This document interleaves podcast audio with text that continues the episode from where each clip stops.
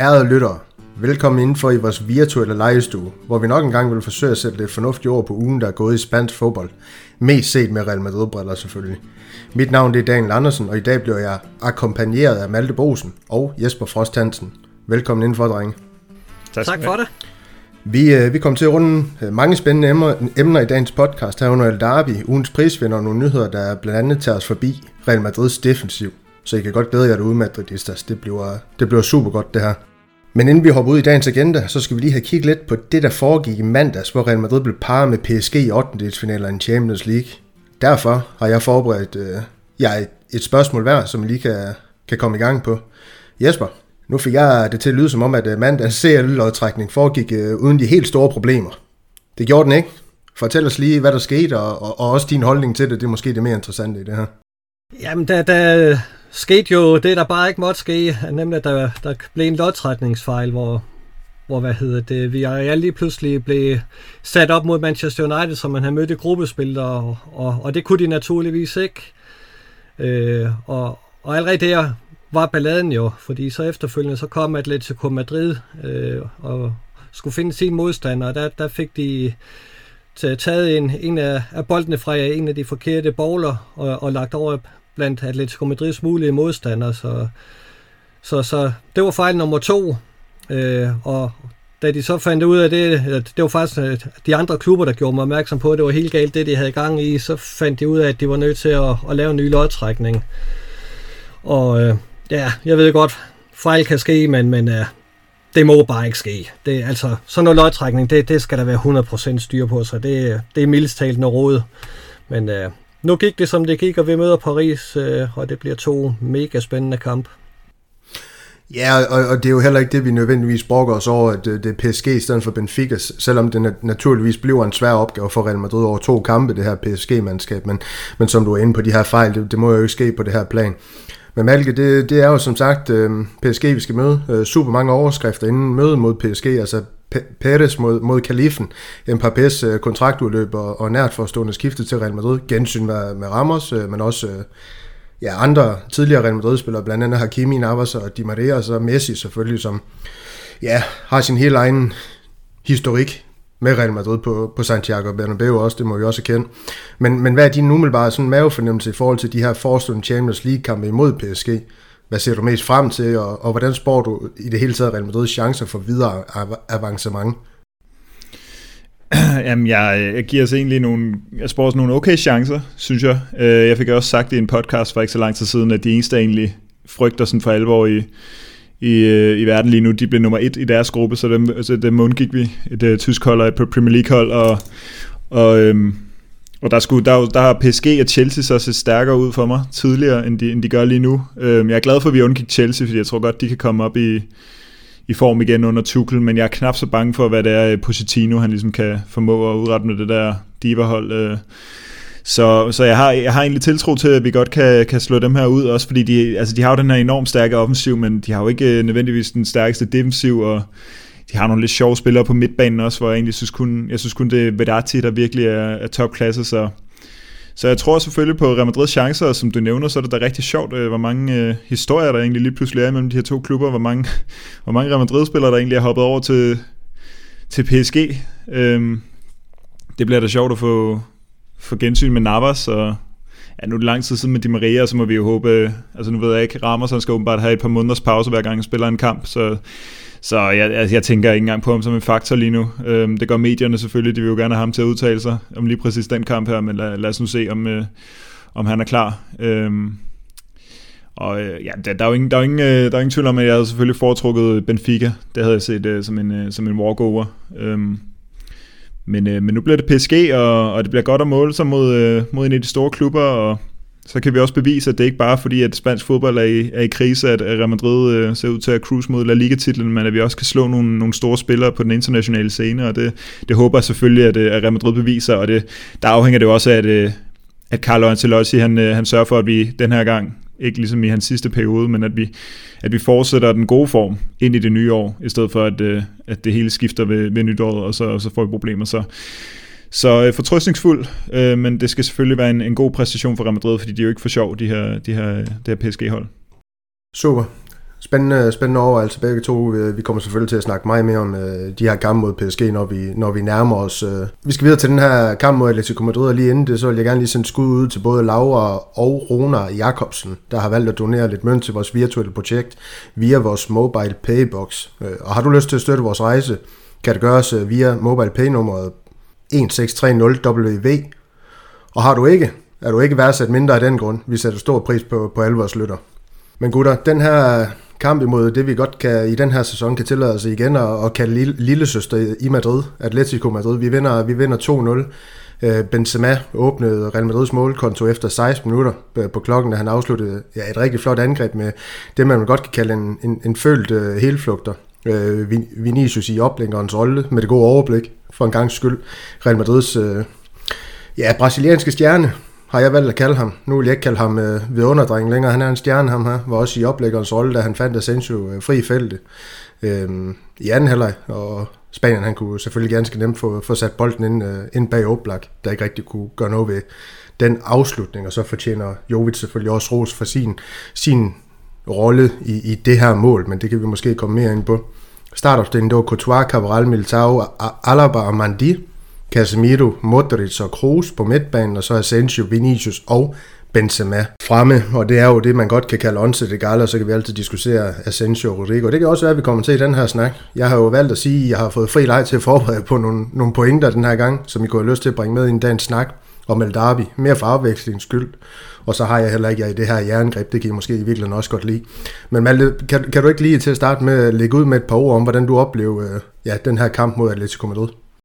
Jamen, øh, jamen, hvis vi bare skal hoppe ned et eller andet sted, så var det jo en, øh, en, en meget overbevisende præstation for, for Real Madrid, synes jeg egentlig. Altså det var jo, vi, vi gik ind til den her periode med svære kampe, øh, og, og jeg havde ikke regnet med, at vi ville stå med, med 15 point ud af 15 mulige, og, og nu har vi endda øh, fire kampe i streg, ikke lukket et mål ind. Øh, Courtois spiller op, og Militao og, og Alaba ser utrolig skarpe ud, og det er også noget, mod, øh, ja, Carlo Ancelotti selvfølgelig er ude og snakke om efter kampen, at den her defensiv, det er det, der har forbedret sig mest siden, øh, siden starten af sæsonen. Han fremhæver også, at vi spiller som et hold. Det var noget af det, han lige præcis sagde det modsatte om i starten af sæsonen, hvor han, øh, han sagde, at vi skal spille mere som et hold. Øhm, og, og der er så mange vinkler ind i det her med at spille som et hold, fordi en ting er, at, de, at, øh, at, at holdet forsvarer sig i, som en samlet enhed, øh, hvilket også får, får de forskellige defensive spillere til at se bedre ud.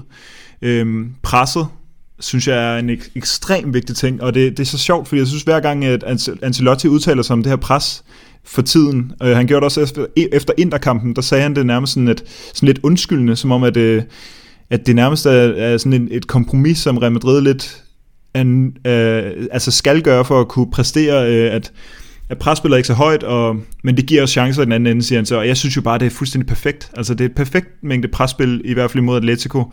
Selvfølgelig går der nogle chancer ind øh, den anden vej, men, men der er mange situationer, hvor det, at midtbanen bare står og afventer. Der er nogle se- se- sekvenser i slutningen af kampen, hvor Joao Felix han står med, med bolden, og, og Kroos står halvanden meter foran ham, men han, bare, han lader være med at bare bruge sig op i ham, fordi han kan tage et par hurtige træk udenom ham og, og skabe en situation. Men der, der stiller Real Madrid sig bare tilbage, og og det tror jeg har meget at gøre med den her kompakthed, som jeg synes, at, øh, at holdet udtrykker lige nu. Øhm, og så er der jo også noget med, at, at vi har nogle, nogle meget arbejde som spiller. Nu har, øh, ja, jeg tror, du nævnte det vist i referatet, Jesper, men hvordan Vinicius måske ikke havde den bedste kamp, men han til gengæld fik lavet to assist. Der er det jo vildt øh, at, at kigge på Vinicius statistikker, fordi jeg er helt enig, han var ikke øh, specielt imponerende med sine afleveringer. Øh, der var mange øh, sekvenser, hvor jeg synes, han, han, han fik øh, ja, lidt ødelagt det for Real Madrid, men til gengæld har han altså fire taklinger hvilket er flest af alle. Altså, så, så når det ikke kører for ham offensivt, jamen, så arbejder man bare ekstra hårdt defensivt, og det, er jo, det har jo en kæmpe værdi, øh, at vi har sådan en spiller, når, som både kan, kan gøre det ekstraordinært i den ene, i den ene ende, men også øh, gider at tage, tage del i, i det defensive arbejde i den anden ende. Øhm, men ja, jeg, det, jeg, jeg giver ordet videre nu til, til Jesper.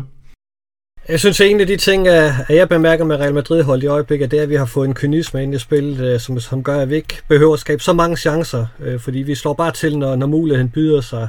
Altså, Atletico Madrid var jo bedst i, i, de, i spillet, øh, hvad hedder det, op til Real Madrids øh, to mål. Og, og der får man bare vendt det og, og, og får lammet dem øh, godt og grundigt. Øh, det, det, det synes jeg, det er måske en af de største styrker, det her Real Madrid-hold har.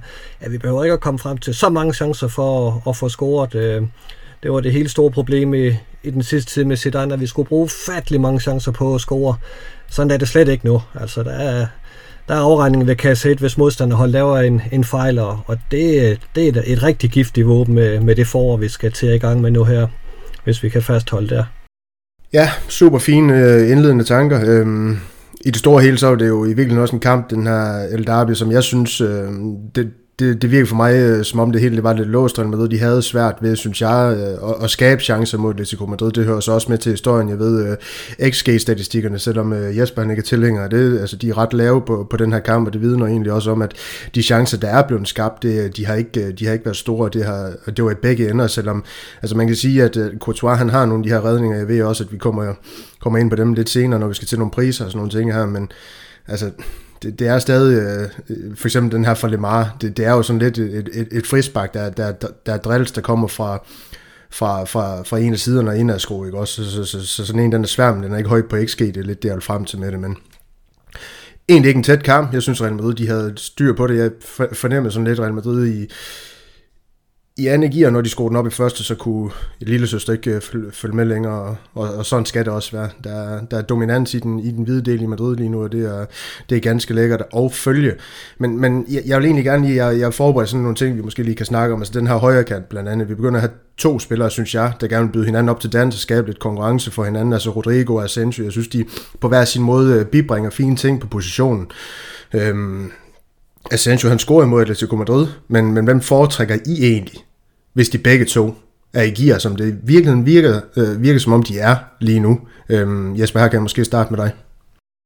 Åh, oh, det er svært, fordi det er jo to gode spillere, men, men jeg, har, jeg, jeg må indrømme, jeg har lidt en, en svaghed for Asensio, det, det, må, det må jeg erkende, og det er ikke altid, at han, han lever op til den, men, men jeg kan sgu godt lide ham, jeg, og jeg under ham faktisk øh, noget succes, så jeg håber, han kan bygge på og vende tilbage til, til det, han viste, inden han fik sin, sin knæskade.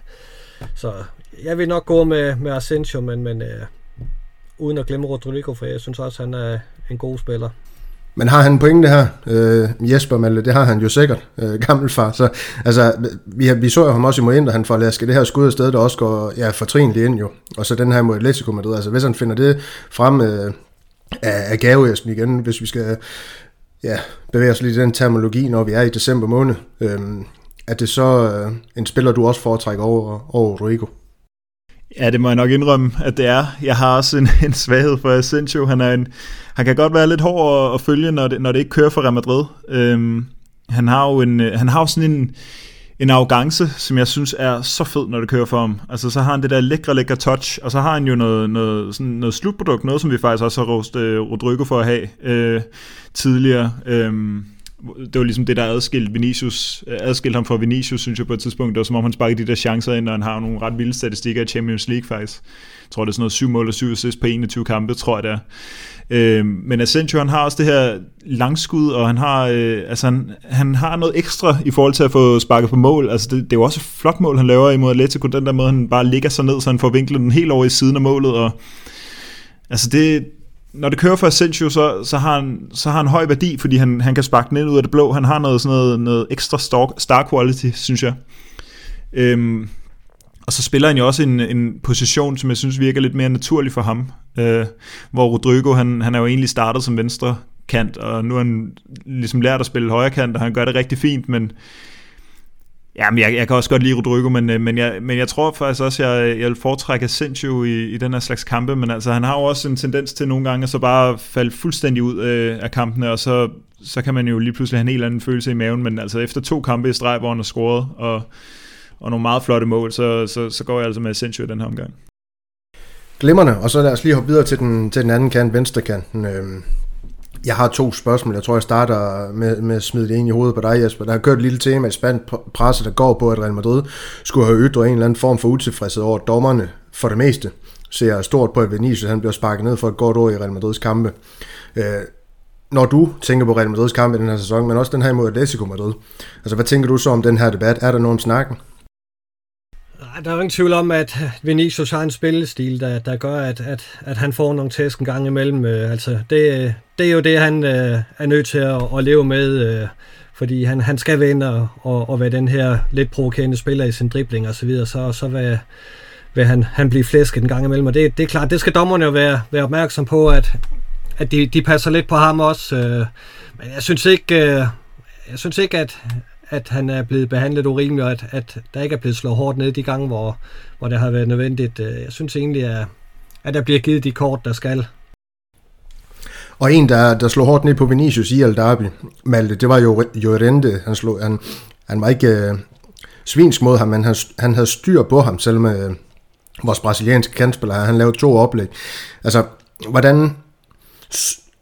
Hvorfor tror du, det lykkedes øh, Jorente... Øh, og, og holde styr på Vinicius den her kamp? Vi har jo set masser af andre backs i, i La Liga have store, store problemer med at holde styr på, ja, på, på Vinicius fart blandt andet og dribling. Jeg, jeg tror bare, at øh, uh, Jurente sådan altså både hans, hans, øh, altså jeg tror bare, han er et godt match til Vinicius. Han er hurtig, han er stærk, han er ekstremt aggressiv, og han har de der lange ben. Altså han, han, hans ben minder lidt om Kammervinka, synes jeg. Øh, sådan, øh, han har nogle gode ben til sådan at komme ind foran på de der driblinger. Og, jamen, Jordente er bare en sindssygt dygtig spiller, og så det kan godt være, at han har udviklet sig helt vildt under øh, Simeone til at være sådan en, at han kan både være en felt-til-felt spiller, øh, mod Liverpool var han jo nærmest deres bedste angriber, der hvor de bankede dem i, ja, var det 1920-sæson, eller var det, det kan jeg faktisk ikke huske, om det, eller om det var sæson efter. Øhm, men han har jo han er jo blevet trænet op i at være en, øh, altså sådan en Casemiro-type. Det var han jo for Castilla, og det var også der, han spillede, da han i første omgang fik chancen for, for Real Madrids førstehold, og når Casemiro var ude der øh, med Zidane i løbet af januar og februar, hvor han, vist i den spanske Supercup, fik nogle, nogle gode chancer for at spille der, der, øh, der var det jo også på den der sekserposition, så han har jo fart, øh, han har han er, han er god til at takle, han, han har det der ja, i sin værktøjskasse, så det, jeg tror bare, det er et godt match, og så tror jeg bare, at de har forberedt sig helt vildt godt på Vinicius, fordi han er, han er spilleren, man skal forholde sig til nu. Især hvis, øh, hvis det er, at Atletico måske ikke har forventet, at Benzema vil være klar. Så er det jo, at hvor kigger du så hen? Så kigger du ikke på Jovic, du kigger ikke på Asensio, du kigger på Vinicius, det er der, det skal komme fra for Real Madrid. Øhm, så, så jeg tror bare, det, jeg tror meget, at Atletico's øh, gameplan var, øh, var bundet op på at, at få stækket Vinicius, og det, det lykkedes selvfølgelig med, med slutproduktet, selvom han jo faktisk også har en god venstrebensafslutning, som Oblak får taget med en stærk hånd, men øh, så laver han bare to assist i stedet for, og det er der, vi er med Vinicius nu. Så, og det er jo glimrende, altså, at det der slutprodukt, det kommer øh, i den ene eller den anden afskygning efterhånden. Ja, lige præcis, Malte. Øhm, det er ikke fordi, vi skal igennem så meget mere i den her kamp. Altså, jeg ved, at Courtois, Jovic og Casemiro, de får nogle ord med på vejen, når vi skal til at snakke detaljer og nedtur og, og højdepunkter på ugen her. Så, så, jeg synes ikke, vi skal dykke så meget ned i de spillere, men Jesper, er der, er der noget andet, du vil snakke om øh, i forhold til den her Atletico-kamp, du, du synes, vi mangler at få med? Det kunne jo være nogle ord om Modric, som jeg roser så meget. Det kunne jo være nogle ord om vores bagkæde, et eller andet. Altså, jeg kan jo ikke øh, tale så pænt om Modric, som, som Malte han kan, så det vil jeg lade overlade til ham. Men så vil jeg sige, øh, den her Tourmalet, som de siger i Spanien, vi lige har været igennem øh, december måned, hvor, hvor vi lægger alt ned og får forløbig maksimum point. Sammenholdt med det faktum, at vi har slået alle de store hold, vi har mødt i, i La Liga indtil nu. Øh, det, det vidner om, at, at det her Real Madrid-hold, det er med afstand det bedste i, i Spanien, og, og det får vi forhåbentlig lidt senere på sæsonen, øh, hvad hedder det, en, en pokal for. Det fik vi ikke i sidste sæson, hvor vi også var, synes jeg, det bedste hold, men, men der, der missede vi de, i de lidt mindre kampe, øh, selvom vi gjorde rent på i det store. Nu ser det ud til, at, at vi kan, kan køre det hjem, og det, det er fuldt fortjent. Øh. Det er ikke tilfældigt, at vi har slået Barcelona, Valencia, Real Sociedad, Sevilla, Betis, Atletico Madrid i den her sæson. Det er stærkt arbejde. Ja, det, det var egentlig forventeligt i denne sæson, det vil jeg bare sige. Men øh, du kan godt øh, få lov til at kalde det stærkt arbejde. Malte, øh, vil du sige noget om øh, ja, din kroatiske pindeven? Jamen, I skal ikke tage, at, øh, at bordet løfter sig imens så, fordi øh, det var jo en, øh, en helt vanvittig kamp, det her. Altså, han er jo så elegant. Det er, det er så vildt at se ham øh, spille på den måde i en, i en så høj en alder. Han laver fire driblinger, han, han bryder spillet så mange gange, han har stadig en høj boldprocent på over de 90, og jamen, han har de der, ja, hvad, hvad hedder, altså sådan nogle moves, altså fra, fra hans, øh, hans tidligere Hofterne, form. de svinger. Øh, ja, ja. ja, ja, præcis, hvor han får, øh, får skabt nogle overtalssituationer, og de der Atletico-spillere kan bare ikke komme i nærheden af ham, altså det, han, er jo, han, har det der, han har det på en anden måde end Kroos, men det der med, hvor det er bare umuligt at komme ind på dem. Øh, vender og drejer og får lige vippet, vippet presspillet til side. Og sådan. Altså, han, er, han er jo så god, og det, det er forrygende at se, og så er det så fedt, at han gør det i en stor kamp. Ikke? At det ikke bare er imod øh, Granada eller sådan noget, men han, han stadig har niveauet, når det er de helt store kampe, og det, det er jo fantastisk, vi har ham. Ja, lige præcis, og, og nu snakker du om det her med at bryde spillet. Det var jo faktisk også ham, der, der endelig brød spillet, der førte til, til Benzema's mål, hvor han får den sendt op til, er det ikke Benzema, der får den videre til Asensio dybt til Vinicius i højre side, og så over til Benzema, der, der klasker den ind, bare lige for, for at få Rune Modric af, og også kampen, som vi jo vinder 2-0, og distancerer Atletico Madrid yderligere, selvom de har en kamp i hånden, så, så kan de ma- maksimalt komme op og, og være 10 point efter os, hvis de tager sig sammen og vinder den. Men det er jo ikke givet i den her sæson for, for det lille hold i, i Madrid. Men øhm, lad os hoppe videre til et punkt, som jeg faktisk ikke sendte til, at jeg skulle forberede jer på, men så må jeg jo tage den for often. Cardis-kampen, den skal man måske lige have vendt, inden vi, øh, inden vi kører videre i, øh, til quizzen, må det blive. Øhm, Carvalho, han er tvivlsom, det har været meldt ud i dag. Han, han skulle bakse lidt med, med benene. Det skulle være noget, jeg ved ikke, om det var noget muskel nu igen, han, han, han døj med, eller om det bare var ømhed, eller hvordan det blev meldt ud. Og Motius Marcelo er, er ude med, med covid-19. Vi vandt 3-0 over, over Cardi i sidste sæson på udebane, og så tabte vi så til dem på hjemmebane. Det er hjemme, vi skal møde dem den her gang, så det skal nok blive et interessant opgør. Og, og hvorfor, det kan vi jo komme ind på nu, med udgangspunkt i et par spørgsmål, som i ikke har forberedt jer på, men som I forhåbentlig kan svare bare en lille smule begavet på. Malte, jeg ved jo, du har et lidt anderledes øh, forhold til Cardis end os andre. Du spåede dem blandt andet til at, til at rykke ned inden sæsonen. Og de er da også en del af nedrykningskampen i talende stund. Og så har du sådan helt generelt, har jeg lært mig forstå i hvert fald, når, når du har talt om dem, lidt svært ved at spille taktik og, og, og hvad vi ellers har. Øh, så man kan godt sige, Kajtis, det er lidt for dig, hvad, hvad Getafe det er for Niklas. Men, men hvilken kamp bliver det for Real Madrid, det her?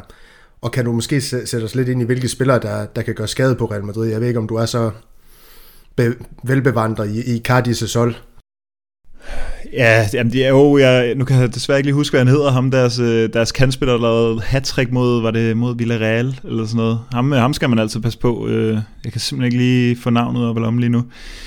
Øhm, men altså, det er, jo, det er jo ikke nogen, vi skal passe på det her. Det er et, øh, det er et nedrykkerhold. Øh, det, det kan godt være, at vi vi dummer os i sidste sæson, men vi dummer os også mod alle mulige andre hold, som vi allerede har mørbanket den her sæson, som for eksempel Shakhtar. Øhm, øh, så, så Cardis, de skal bare sende hjem med en røvfuld, og de, øh, det er også det hold, der har lukket flest mål ind i ligaen. Det vidner ikke om, at det der kedelige defensive fodboldspil der, det fungerer for dem. Og så kan, ja, jeg skulle lige så sige, altså det positive, det skulle så være, hvis øh, Victor Schust øh, spiller en god kamp, men det skal han jo helst ikke. Så, så øhm, så Cardis, altså jeg har ikke så meget andet at sige. De skal bare, øh, nu har vi banket fem gode hold på det seneste. Nu skal vi også tage et af de her små hold, og det, det er jo så det, man kan frygte.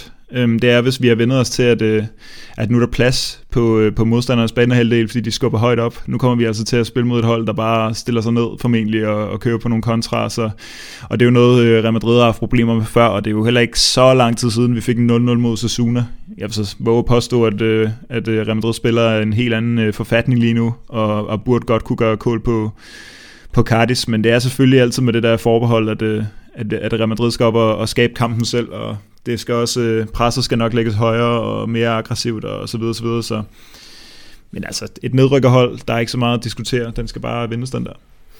Ja, det er jo det ene forbehold med det andet. Det er jo arrogancen, som jeg i hvert fald kan høre komme tilbage i, øh, i fansgaren. Og det er, jo, det er jo dejligt at høre den der Real Madrid-arrogance. Det er, jo, det er jo sådan, det skal være. og Det er jo det, øh, andre fanskar, de hader os for. Det er derfor, vi elsker os selv. Sådan skal det være. Men noget andet, der måske også kan spille Real Madrid push i sådan en kamp her, Jesper, det er jo rotationer. Malte, du kan lige få lov bagefter. Øhm, Ancelotti, han er jo blevet øh, forholdt det her i, i, i spansk presse i hvert fald, og har har svaret så godt, han nogle gange kunne på det, og man kan jo sige, at den her omgang, der er han jo for eksempel øh, nødt til at, at udlade Modric af de her øh, corona-grunder, og Cabral han er tvivlsom. Altså, kan, kan du ikke frygte den her opgave, en mindre de her rotationer, der kommer til at være, eller, eller ser du egentlig vores bredde spillere være stærk nok til, til at løfte den her opgave. Altså, det, er, det er jo altid, øh, altså det er jo det her med, at, at, at når der kommer spillere ind, der ikke, der ikke har de samme øh, relationer, som, som den er inde på første hold, så kan det godt være sådan lidt vaklende spil. Det har vi jo set uh, mange gange før mod, mod mindre hold, men, eller er du lige så sikker som, som Malte? Ja, der, der er jo ingen tvivl om, det er et, et hold, vi skal kunne slå, øh, også med, selvom øh, øh Carl Ancelotti givetvis vil rotere lidt. Øh, altså, der, jeg er ikke så nervøs ved, at, at Nacho eller Lucas Vazquez kommer ind og spiller den højre bakke i en hjemmekamp mod, mod Cardis. Øh, og så bliver det jo sandsynligvis øh, Valverde, der skal ind og, og spille på, på midtbanen, og han plejer jo også at, at gøre det rigtig godt, så det er jo ikke noget, nogen decideret svækkelse, at, at de to ikke er med, selvom det selvfølgelig altid pynter på Real Madrid-hold og, og, og have de to på banen. Så jeg er ikke så nervøs, og jeg tror, jeg tror faktisk heller ikke, at Ancelotti vil, vil skifte et halvt hold, øh, selvom vi nu har skabt et, et fornuftigt hul ned til, til forfølgerne. Jeg tror gerne, at han vil øh, slutte 2021 af med, med to sejre mere, så vi, så vi går rent ind i, i 2022 og, og kan tage hul på det år, som, som forhåbentlig bliver rigtig spændende og lykkeligt for os. Der er selvfølgelig heller ikke grund til andet, men du ligner en, der har været i gang med, med at surfe en hel masse. Jeg håber ikke, du allerede har fundet svar til den quiz, der kommer her lige om lidt. Øhm, vil du sige noget?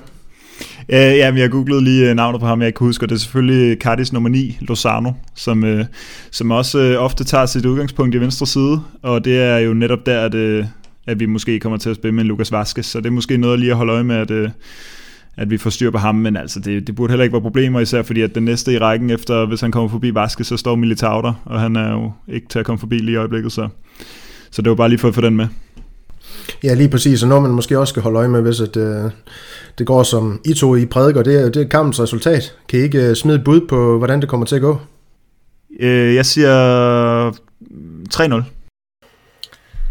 Det var faktisk mit bud også, så skal vi ikke bare være enige om det, vi lukker 2021 på Bernabeu med, med en 3-0 sejr. Super, den, øh, den tager vi. Og, og noget I ikke, er, ikke kan være enige om, det, det er quiz. Vi skal til at quiz, og det bliver en quiz, der kommer til at stikke i øst og vest i den her omgang. Tre forskellige kategorier. Eller ikke kategorier, men øh, første del, anden del og tredje del, det bliver tre vidt forskellige ting. Der er ingen sammenhæng i dag.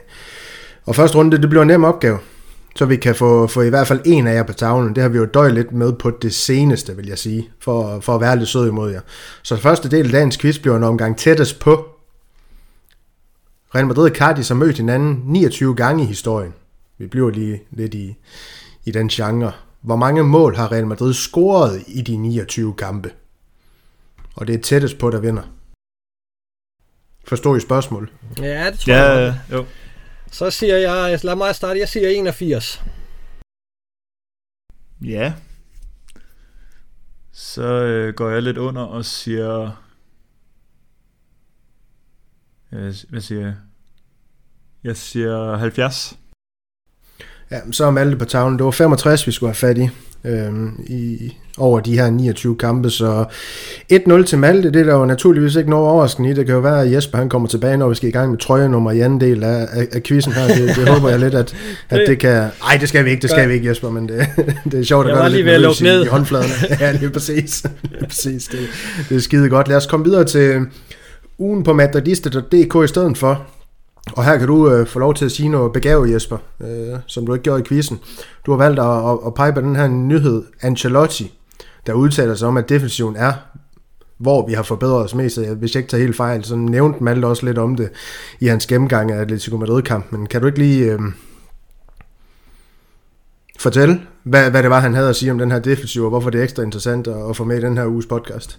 Altså, der, der er jo blevet det, at, at det er helt hold, der forsvarer. Altså, vi så, øh, øh, hvad hedder det, Malte nævnte, at Vinicius var nede og, og forsvare, og det så man jo også, Benzema var helt nede på egen bane, helt, eller, eller helt nede nærmest i eget strafsparksfelt, og lavede en, en takling øh, i kampen, men, men jeg synes, øh, Alaba og Militao i det centrale forsvar, to helt nye folk, der kommer ind og skal af hinanden og kender Real Madrid-holdet, og kender, at de så hurtigt har fået styr på det, er, er blevet to så vigtige krumtapper. Det er jeg vanvittigt imponeret over. Altså, øh, vi, vi glemmer ikke Ramos og Varane for, for det, de har, har givet Real Madrid gennem årene, men øh, det er jo ikke sådan, vi, vi ligefrem sætter savner nogen af dem lige nu, fordi de to, det er Militao og, og David Alaba, de er virkelig nogle chefer i, i det forsvar. Så har de Courtois til at tage sig det, de, de ikke selv lige får fat i. Øh, så jeg er vanvittigt imponeret af, af det forsvar, vi har lige nu, og, og det er jo vigtigt i, i forhold til de Champions League-kamp. Øh, mange forhåbentlig, vi skal ud og spille, at, øh, at vi har en sikker defensiv. Og det, det, det virker det til, vi har fået. Ja, det, det lader også til, at du er enig, eller hvad, Malte? Er det fuldstændig samme ting, du vil sætte på Real Madrid's defensiv, det her? Ja, det er det da. Det, der er faktisk ikke så meget til for. Jeg synes, det, det er smukt formuleret. Men hvor stor andel har, altså hvis vi så tager den, altså hvor stor andel har for eksempel en Mangdi i, at, at det spiller, spiller, som det gør lige nu? Altså hvis man skal, hvis man skal forholde sig lidt til, til andet end bare de, de to centrale, der, der høster mange roser. Skal jeg tage ja. den?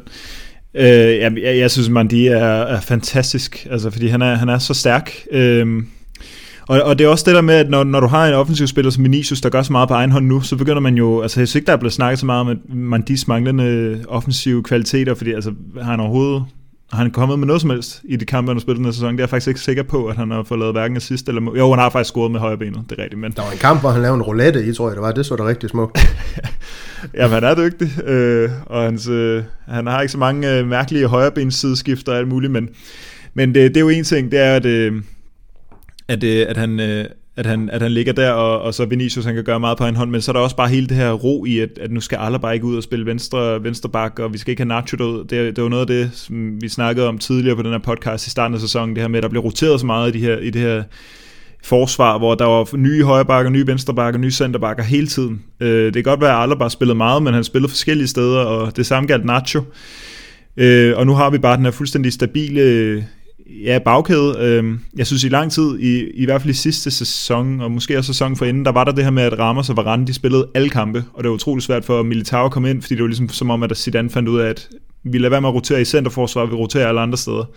Og der er Ancelotti gået gang videre og bare siger, at det er hele forsvaret, der skal spille sammen, og i virkeligheden også resten af beholdet. Ikke? Men, men det giver noget, tror jeg, i forsvaret. De her spillere, de, de ved præcis, hvordan, øh, hvordan, hvordan spilleren til venstre øh, ja, agerer. Altså, hvilke dueller øh, kan man stole på, man de vinder i luften. Han vinder jo mange af dem også. Altså, øh, og han er lynhurtig, han er bumstærk. Der skal virkelig noget ekstraordinært øh, til for at komme forbi ham. Så, så øh, jo, klart, Mandi en kæmpe, spiller en kæmpe rolle i det her defensive, øh, solide øh, ja, bagkæde.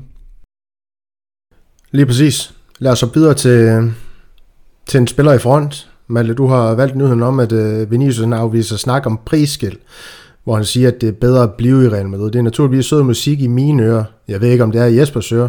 Men uh, fortæl os lige lidt mere om, hvad, hvad det her det handler om.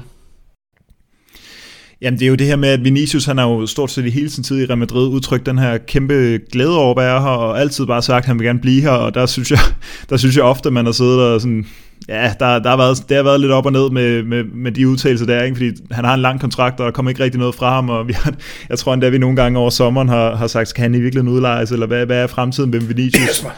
og, og, og nu, øhm, nu er det jo bare så fedt, ikke? At, altså, nu gider man virkelig godt høre på det der med, at han bare, øh, han gider ikke engang at snakke om sin egen pris, for han vil bare blive i klubben.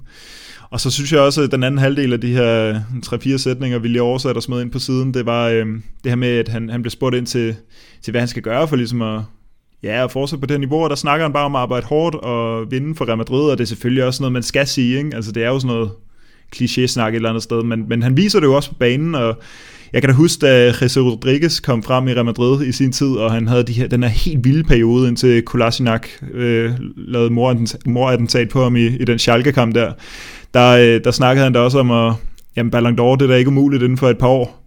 Der, der tager Vinicius den lidt mere, mere rolig, ikke? Altså, øh, det er, det er noget, der kommer, hvis han arbejder hårdt, og hvis han fortsætter på det niveau. Altså, det virker ikke som om han, det virker faktisk som om han har en, en god blanding af sådan en mentalitet, der, der, øh, altså han, han, han vil gerne fortsætte med at arbejde, og samtidig så har han afgangsen og troen på sig selv til, at han kan gøre forskellen, og det, jeg håber virkelig, at det er noget, der kommer ham til gode, at, han bare, at det her det, det kommer til at gå den helt rigtige retning øh, fra nu af, og at vi beholder ham i Real Madrid i, i nogle år.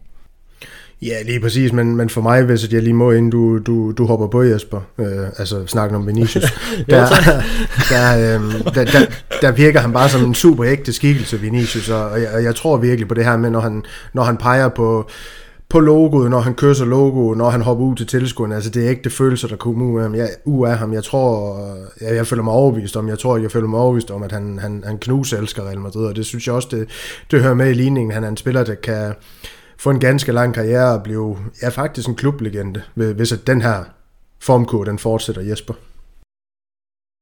Det er, det er jo bare fantastisk med, med Vinicius, altså fordi ved et forhandlingsbord lige nu, der sætter han med pistolen Øh, det, er ham, der, der leverer på banen. Det er ham, der har den lave løn. Det er ham, øh, alle klubber er interesseret i. Og han går bare ud og siger, lad nu være klubber med at bruge tid på mig, fordi jeg bliver Real Madrid. Mm. Det er da mega fedt at have sådan en spiller, der ikke øh, siger, nej, men jeg kunne måske tjene mere et andet sted, og vi må se, hvad fremtiden bringer. Altså han siger, jeg skal være i Real Madrid i de næste mange år. Man kan sgu da ikke enten sådan en spiller. Nej, og så blev han forhåbentlig udstyret med en frikøbsklausul på halvanden milliard euro, øh, inden det mindre det kan gøre det nu, når de der satans til, til Paris, og de, de lurer i baggrund på, på alt, hvad der kan, kan gå og kravle, som Real Madrid de er interesseret i, og som, som de har i folden nu, når de bliver lidt små irriteret. Øh, men øh, lad os hoppe videre til, lad os parkere det lille rant, jeg, jeg fik der, eller havde der, og så hoppe videre til anden del af quizzen. Og så kan I se, hvor random det bliver, fordi nu skal vi til at snakke topscore i La Liga. Vi skal til det lige om lidt, altså snakke La Liga igennem, så derfor skal vi have en lille quiz om nogle af de mest fremtrædende spillere foran kassen, og hvis I begge to lige ruller et skridt tilbage fra jeres kasse, så I ikke lige hopper ind på bold.dk for at se noget statistik, så skal vi have fat i ni spillere, der har nettet seks gange eller mere i indeværende sæson i talende stund. Men hvem er det? I gætter på skift den her gang, og ham, der gætter forkert først, ender selvfølgelig uden point i den her runde. Jesper, jeg skal lige, har du forstået opgaven, fordi Christian han havde super svært ved det sidste gang? Det har jeg givetvis ikke. Nej, det har du nok ikke. ham, der er bagud, han starter, det vil så sige dig, Jesper. Altså, de ni spillere, der har scoret seks gange eller mere i indeværende sæson, du, du kan to af dem i hvert fald, kan man sige. Nå, det mener du? Ja, det håber jeg da. Så, øh, så tager jeg Benzema. Så tager jeg Vinicius. Åh, oh, det kunne være, jeg skulle finde topscore-listen frem til, tror jeg ikke, Ja. så jeg kan huske det. Det var rigtigt, de to første. Ja, så... Sagde du hele La Liga, eller hvad? Ja, ja. Hele... Det var ikke kun Real Madrid-spillere, så nemt blev det ikke. Det har nok også været svært. Nå. Ja, det havde været lidt vanskeligt, men uh, man kan aldrig vide med dig, hvor Nej, det var hvem, det. Var det. har, hvem, hvem har mere scoret godt i... Altså, det har jeg på hjemmefronten. Ja, det har du, det var jo- det er virkelig over evne. Øh, bu, bu, bu. Vi behøver ikke at tage en Barcelona-spiller, dem kan vi godt udlade. Øh, Kan, kan vi? kan vi ikke det? Det ved jeg ikke. Det er dig, der siger, at vi kan det. Ja. Jeg er ikke ja. overbevist. Nej, det er jeg heller ikke, og jeg ved sgu ikke, hvem jeg skal tage. Jeg tror, jeg prøver at gå med Iago Aspas, ja, det er sikkert ikke rigtigt. Han, han sniger sig ind på listen med syv kasser. Sådan. Så siger jeg Juanmi. Han, er, han ligger, ligger med 10, 10 mål, ligesom Vinicius. Det var mange. Så har vi 1, 2, 3, 4, 5 spillere tilbage at vælge imellem. Ja. Jeg ved ikke, hvorfor jeg talte der, når jeg har haft to gæt hver. jeg prøvet for, ja.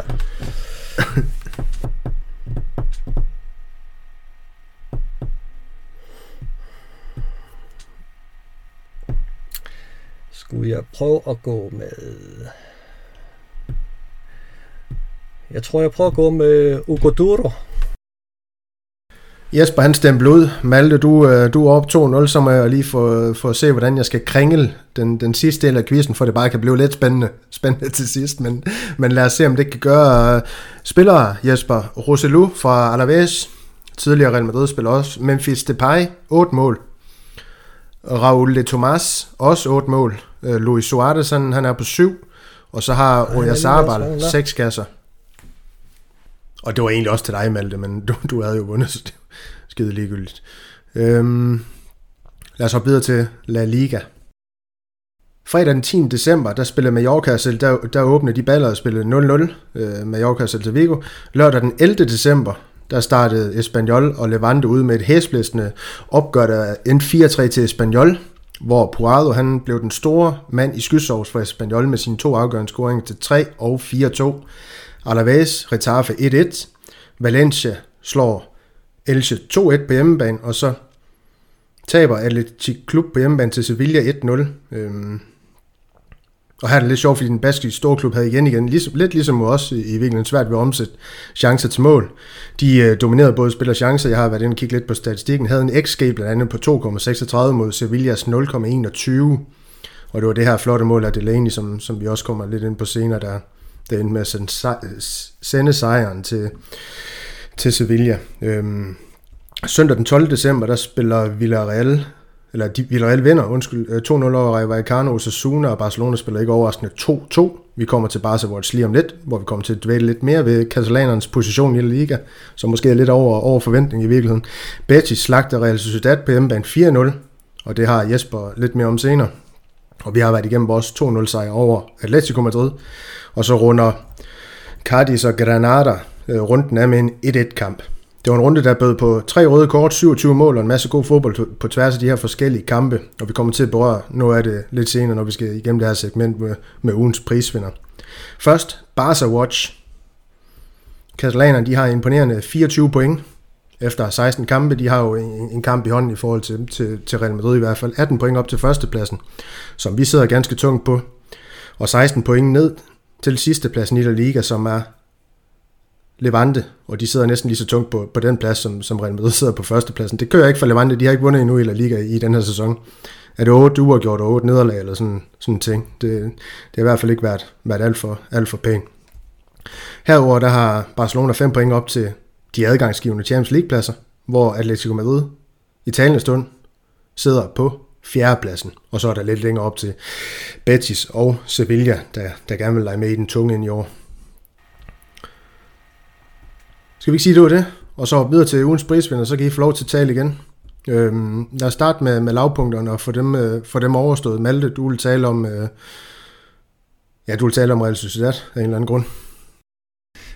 Jamen, jeg, øh, ja, det, det, jeg synes bare, det er så vildt, at de, at de bliver smadret på den måde af, af Betis. Altså, hvad fanden sker der? De, de ligger... Øh, var det en måned siden, vi sad og snakkede om dem, som om, at de var en, en slags... Øh, ja, titelcontender, ikke? Altså, sådan bliver der i hvert fald skrevet om dem også, og nu bliver de bare myrdet af, af Betis fuldstændig, og deres målmand Remiro, der vi også har nævnt i en, i en tidligere podcast, fordi han smed det der dumme mål ind i, i øh, det der basket mod Atletic Klub, og nu dummer han sig igen, Remiro, hvor han på det første mål, så det er også et vigtigt mål, han løber bare ud til højre øh, på banen, sådan fuldstændig i ingenmandsland, og så får, ja, hvem var det?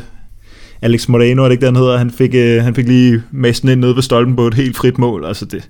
Og så er det ligesom i gang til tids, og så ender de bare med at, at vinde 4-0, selvom at øh, Sociedad faktisk har, Real Sociedad faktisk har, har flere, øh, flere skud, så, så det synes jeg bare er vildt, altså også fordi de, der er virkelig noget at komme efter i den her sæson, hvor, det, hvor jeg tror på, at Atletico og Sevilla og Real Madrid ligesom kommer til at tage den der Champions League plads, og så er der virkelig bare, øh, Altså, så er der altså nogle, nogle hold, der får en, øh, en, en sjælden chance for at komme ind i den der top 4 og komme med i Champions League. Altså, Betis ligger rigtig godt lige nu. Sociedad har jo stadig chancen, men de skal jo ikke spille på den her måde.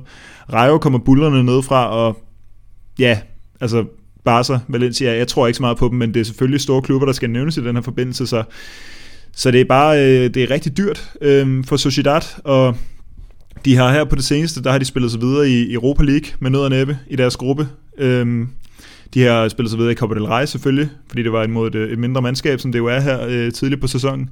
Men i ligaen har de altså tabt tre på stribe og fået en uafgjort, øh, og de har ikke scoret i de sidste fire kampe. Det er jo en helt vildt dårlig øh, ja, stime at være i, og det er måske ikke så overraskende, at det, det var meget overbevisende for Real Madrid, da vi spillede mod dem, fordi øh, det var svært mod Sevilla, og det var svært mod Atletico Klub, men vi havde faktisk ikke så store problemer, synes jeg, mod Sociedad. Så, så det er selvfølgelig... Øh, kritisk for dem, og en kæmpe nedtur, og det er jo egentlig et fedt nok hold, så jeg synes øh, helt personligt også, det er lidt ærgerligt. Ja, på Copa del Rey, så kan jeg se, mens vi sidder og snakker her, det er jo onsdag aften, der altså så vil jeg jo forlænge spilletid imod et eller andet hold, jeg aldrig nogensinde har hørt om fra Andrax, eller hvordan det skal udtales. Det er jo fuldstændig vanvittigt. 1-1 lige nu. Det kunne da være fuldstændig smukt, hvis de blev ekspederet ud der. Nå, Jesper, du, øh, du vil gerne snakke om en øh, argentiner, der stopper karrieren. Ja, Aguero i, i Barcelona har meddelt i dag, at han har været nødt til at stoppe karrieren øh, på grund af de her hjerteproblemer. Jeg synes bare, det det er så trist, når, når så store spillere skal, skal stoppe karrieren på den måde. Øh, det, det er lidt tragisk, øh, så, så det er jeg sgu lidt ked af på hans vegne faktisk, at, øh, at det er kommet så vidt. Og jeg, og jeg synes desværre, at, at det er noget, vi efterhånden ser mere og mere i, i fodbold, at der er de her hjerteproblemer. Det, det er lidt bekymrende. Ja, det, det kan vi kun stemme i. Og jeg har valgt at, at pege på kommentatorer, der ikke har styr på fakta. Øh, jeg kan egentlig godt lide øh, Thomas Christensen stemme bag mikrofonen sådan helt, øh, sådan helt generelt, men det her med, at han for eksempel øh, valgte at hæve, var det kamp, det mener det var, jeg mener ikke, det var Mikkelsen, at, at, Nacho, at Nacho ikke har samme far som Cavaral, det, øh, det bliver altså en smule for dumt for mig, det, det vil jeg altså bare sige, sådan en lille bemærkning. I, så det her, det er bare sådan en lille bemærkning i håb om, at øh, de lytter med til den her fantastiske podcast, og måske tager det med sig til de kommende Real Madrid-kampe, at Nacho han i virkeligheden er en af Real Madrids allerhurtigste spillere. Det er, det er der rigelig data på, der, der støtter op om. Men lad os øh, parkere det øh, lavpunkt for mig, og så videre til nogle højdepunkter. Malte, du får lov til at lægge ud igen.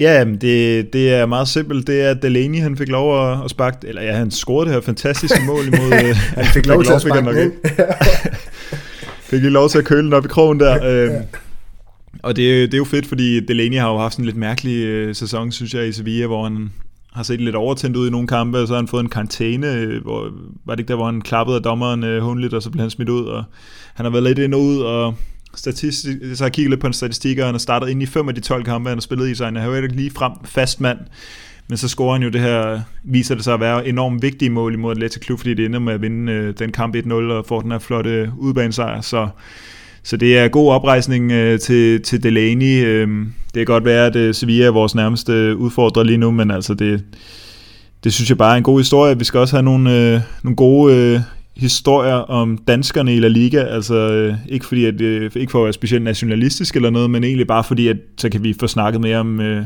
om spansk fodbold også i de danske medier og få lidt mere opmærksomhed over på på ligaen, så man ikke skal det kunne for eksempel være at man ikke skulle sidde og se altså latterlige Champions League hold imod endnu mere latterlige Champions League hold, at der blev prioriteret lidt mere omkring i omkring øh, de spanske klubber, og der kommer lidt om mere opmærksomhed i den retning, og det, det synes jeg var fedt. Men, øh, men i første omgang bare stor, øh, stor gave til, til Delaney.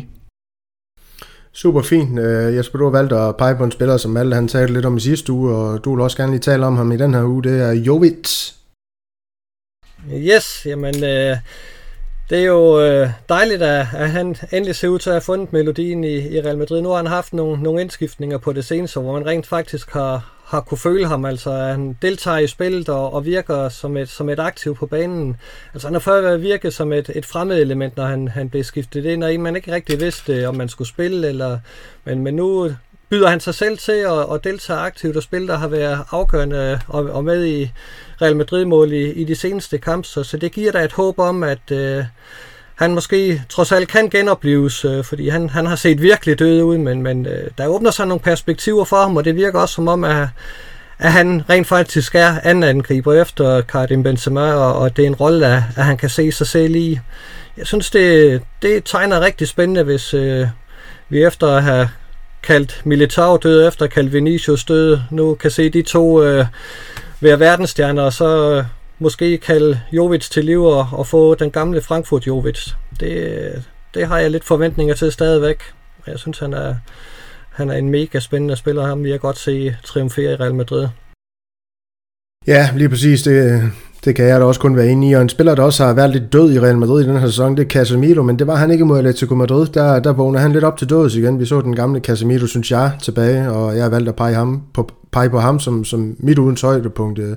Også fordi jeg er en af dem, der har været øh, ekstra meget efter ham på den her podcast. Men igen, jeg synes, han, han spillede en rigtig, rigtig stor kamp på sekseren imod Atletico Madrid, og, og det er en af grundene til, at vi, vi har styr på det centralt ud, og selvfølgelig øh, Modric's kamp, og håbet er jo lidt, at, øh, den her kamp mod Atletico Madrid, det er med til at kickstart resten af hans sæson, fordi så bliver det rigtig, rigtig sjovt at være, være Real Madrid-fan, også i, i foråret, hvor vi skal til de her Champions League-kampe mod PSG, og, og at vi skal møde efter, efter de to opgør, blandt andet kvartfinalen og semifinalen. Men lad os hoppe videre til, til detaljerne. Malte, du, øh, du har valgt at pege på en øh, belgisk målmand fra Real Madrid. Ja, det kan godt være, det i virkeligheden bare... Øh det kan godt være, at det i virkeligheden bare er, en, er forklædt som en, en, en forklædt, øh, et forklædt højdepunkt, fordi han, han er jo bare fantastisk i den her øh, Atletico Madrid-kamp, og nu har vi jo spillet de her meget svære kampe på det seneste. Vi har jo faktisk holdt rent bur i de sidste fire mod øh, store klubber, og imod Atletico Madrid, der viser han jo bare, at hvis du får sparket den forbi øh, både øh, arme og hænder øh, og ben, så tager han i stedet for bare med næsen åbenbart øh, mod øh, det der forsøg for Schwab Felix, der bare får smadret den op på, på næsen af ham, og det er bare alt går bare den rigtige retning for, for Courtois. Jeg tror også, han har seks øh, redninger eller sådan noget, og, og de, de her mange, mange indlæg, som Atletico spiller med, altså det er bare Militao for hættet det væk, og Courtois kommer i vejen, han er bare så, øh, så stor en gevinst for os.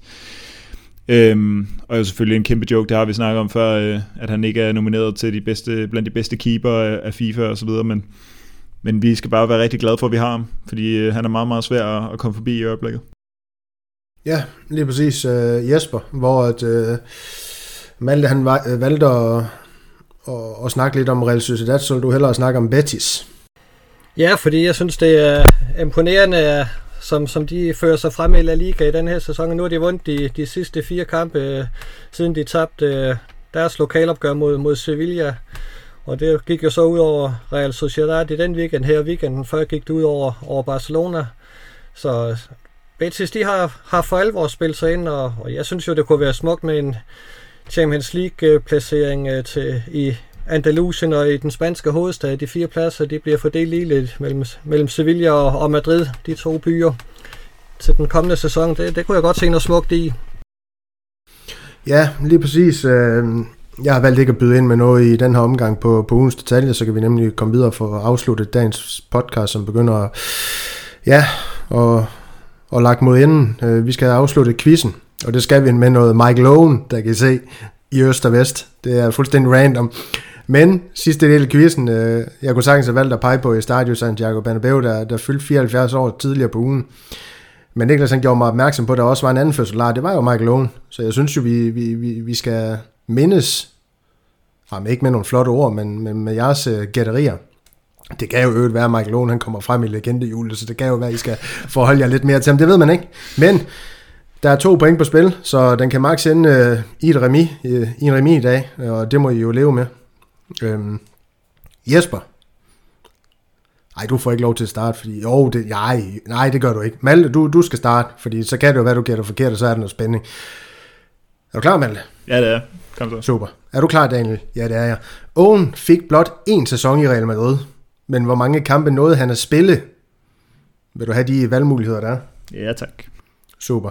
Nåede han at spille 45, 39 eller 28 kampe for Real Madrid? Øhm, ja. Og til lytterne, der er det transfermarkts oplysninger, jeg er gået med. Ikke at du skal til at tage transfermarkt ind nogen steder med det. Så tror jeg faktisk, jeg går med 28. Det var fuldstændig forkert. Det var 45, vi skulle have fat i. Så nu er der i hvert fald øh, mulighed for, at Jesper han kan ja, gøre det her til en uafgjort. Det er jo også en, en sejr for Jesper i sig selv, og kan, kan matche Malte. Øhm, Jesper, er du der? Yes. Super. Hvor mange mål scorede Michael Owen i sin Real Madrid-karriere? Er det noget, du kan fra hoften, eller er det noget, du gerne vil have nogle svarmuligheder på? Der vil jeg godt have et par svarmuligheder. Er det bare et par eller tre? Du får tre, det gør det lidt svært. Øh, scorede han 13, 16 eller 11 mål i sin tid i Real Madrid? Så tror jeg faktisk, han lavede 16. Jeg, jeg, jeg går med 16. Jeg tror faktisk, han, han, han fik lavet sin mål. Det gjorde han også. Han scorede 16 mål, og så kan I jo juble, øh, juble sammen over, at øh, I deler i porten i den her omgang. Jeg ved ikke, om Malte han er lidt småirriteret over det nu, når han gjorde det så godt indledningsvis, men det er jo altid det sidste spørgsmål, der, der er det vigtigste. Den her quiz, i hvert fald når det er mig, der er quizmaster. øh, ikke at der var noget mesterligt over, hvordan den her quiz var skruet sammen i dag, men vi kom igennem det, og quizzen den endte 2-2. Tillykke med det, drenge. I var lige, eller I var lige gode, undskyld. Ikke, ikke lige dårligt. I var lige gode, ja. Og så lad os... Øh, hoppe videre til det her legendehjul, som vi i den her omgang kommer til at tage on air, og så må vi jo se, hvad den er ude med, om det er en spiller, vi kan snakke om, eller I kan snakke om, for jeg kan jo være pisse ligeglad i det, jeg der skal, skal snakke om ham. Jeg spænder hjulet nu. Jesper, hvad håber du, vi lander på? Redondo. Ja, selvfølgelig gør du det. Modric, han er ikke på, på endnu, Malte, det vil jeg bare lige sige, så det er ikke en spiller, vi kan komme til at tage. Oh, det, det, det, var, det var en spiller for, øh, fra at lande på Redondo, det er ikke engang løgn. Men vi lander, på, vi lander på Claude Magalele. Og ham kan du så få lov til at knytte på på til at starte med, Jesper. Hvordan husker, husker du uh, den her franske ja, sekser på, på Real Madrid's midtbane? Jamen, det, det husker vi jo godt, fordi vi, vi husker især øh, afskeden med ham. Den her lidt øh, ærgerlige afsked, hvor, hvor man ikke øh, ville give ham en ny kontrakt, øh, fordi man skulle have gjort plads til, til David Beckham. Øh, og, og hvordan det siden gik, det, det, det kan folk selv øh, gå tilbage i, i analerne og kigge, øh, men, men det gik ikke så godt. Han var en ufattelig vigtig spiller. Øh, et øh, samlingspunkt lidt af Casemiro er i dag. Altså ham, man, man slog sig på, ham der, der fik øh, erobret nogle bolde og, og fik fordelt dem fornuftigt. Øh, en voldsomt undervurderet spiller, fordi han burde selvfølgelig have haft den kontrakt, øh, men øh, der gik lidt politik i det, og, og, og så måtte han videre. Men, men øh, fantastisk spiller, synes jeg. Ja, det har man jo heldigvis lært nu af siden, at den her defensive skikkelse, den er, den er ganske vigtig, især når holdet har et offensivt udtryk. Her tænker jeg naturligvis på Casemiro, der er hersket på den her defensive midtbane for Real Madrid i, i tierne og stadig gør det. Øh, Malte, øh, jeg er helt med på, at Claude Magalele nødvendigvis ikke var en, var en spiller, du, øh, du, du så der i, i startnullerne for Real Madrid. Han, han var der fra 2000 til 2004, men er det alligevel en, du, eller det ved jeg, du, du har læst mig om Real Madrid. Altså, hvad, hvad har du at sige om øh, den her franske spiller? Jamen, det, det her legendehjul, der er nok ikke så mange, som jeg, som jeg har set øh, så, så meget, men jeg kan selvfølgelig øh, bidrage Det er ikke ligesom Jesper, der har dem alle sammen. og med til opera-klubben. Nej, det, øh, det, det jeg selvfølgelig kan sige om det er jo øh, for os, der, der i hvert fald er kommet til sidenhen og skulle læse øh, klubbens historie baglæns, det er ligesom, at han, øh, han, han på en eller anden måde symboliserer Galacticos faldet, synes jeg ligesom, har været min... Øh, det jeg har taget ud af, hvad jeg læste af Makalele, og så, øh, så synes jeg også, det er værd at bide mærke i, at øh, der er jo for eksempel, øh, det skal man måske være under 30 for at have sådan nogen, men øh, Chelsea-venner, øh, som, som snakker om, øh, om Makalele, fordi de var også meget, øh, meget glade for ham. Øh, jeg har hørt dem omtale, øh, omtale ham som, som manden, der, ja, hvad var det, han, han var så god, at man opkaldte positionen efter ham. Øhm, og det er jo sådan en, øh, han er jo på en eller anden måde sådan en synonym for, for den her ankermand, der ikke øh, skal det helt øh, ekstraordinære, men som er utrolig dygtig og utrolig vigtig for, for at resten af holdets øh, stjerner kan præstere, og der har jo også været mange, øh, mange perioder i Real Madrid efterfølgende, hvor man har prøvet at opfinde den her rolle, da man fandt ud af, at øh, det var godt nok dyrt at, at miste Makelele. Der har været flere gange Diarra, der har været Emerson, der har været, ja, Casemiro er måske det, det bedste skud på stammen, øh, siden vi mistede Makelele til lige præcis den slags øh, position, og der, der krævede det også en, øh, sin mand i form af Zidane, øh, for at tage, tage opgøret med klubben og sige, at vi skal have den her slags rolle på, på holdet, fordi Benitez skulle ikke få lov til det jo, for eksempel. Og det, øh, det der, der synes jeg, øh, at Mark Lilles øh, historie trækker tråd til, til de her ting, og, og det vidner også om, øh, hvor stor en spiller han, han var, at, øh, ja, det, at, han, at han, han har fået så stor en betydning i, i så stor en klubs historie, og, og, og stadig måske trækker tråd til i dag, hvor, hvor vi har fundet ud af, at den her, den her rolle, den skal vi have på holdet.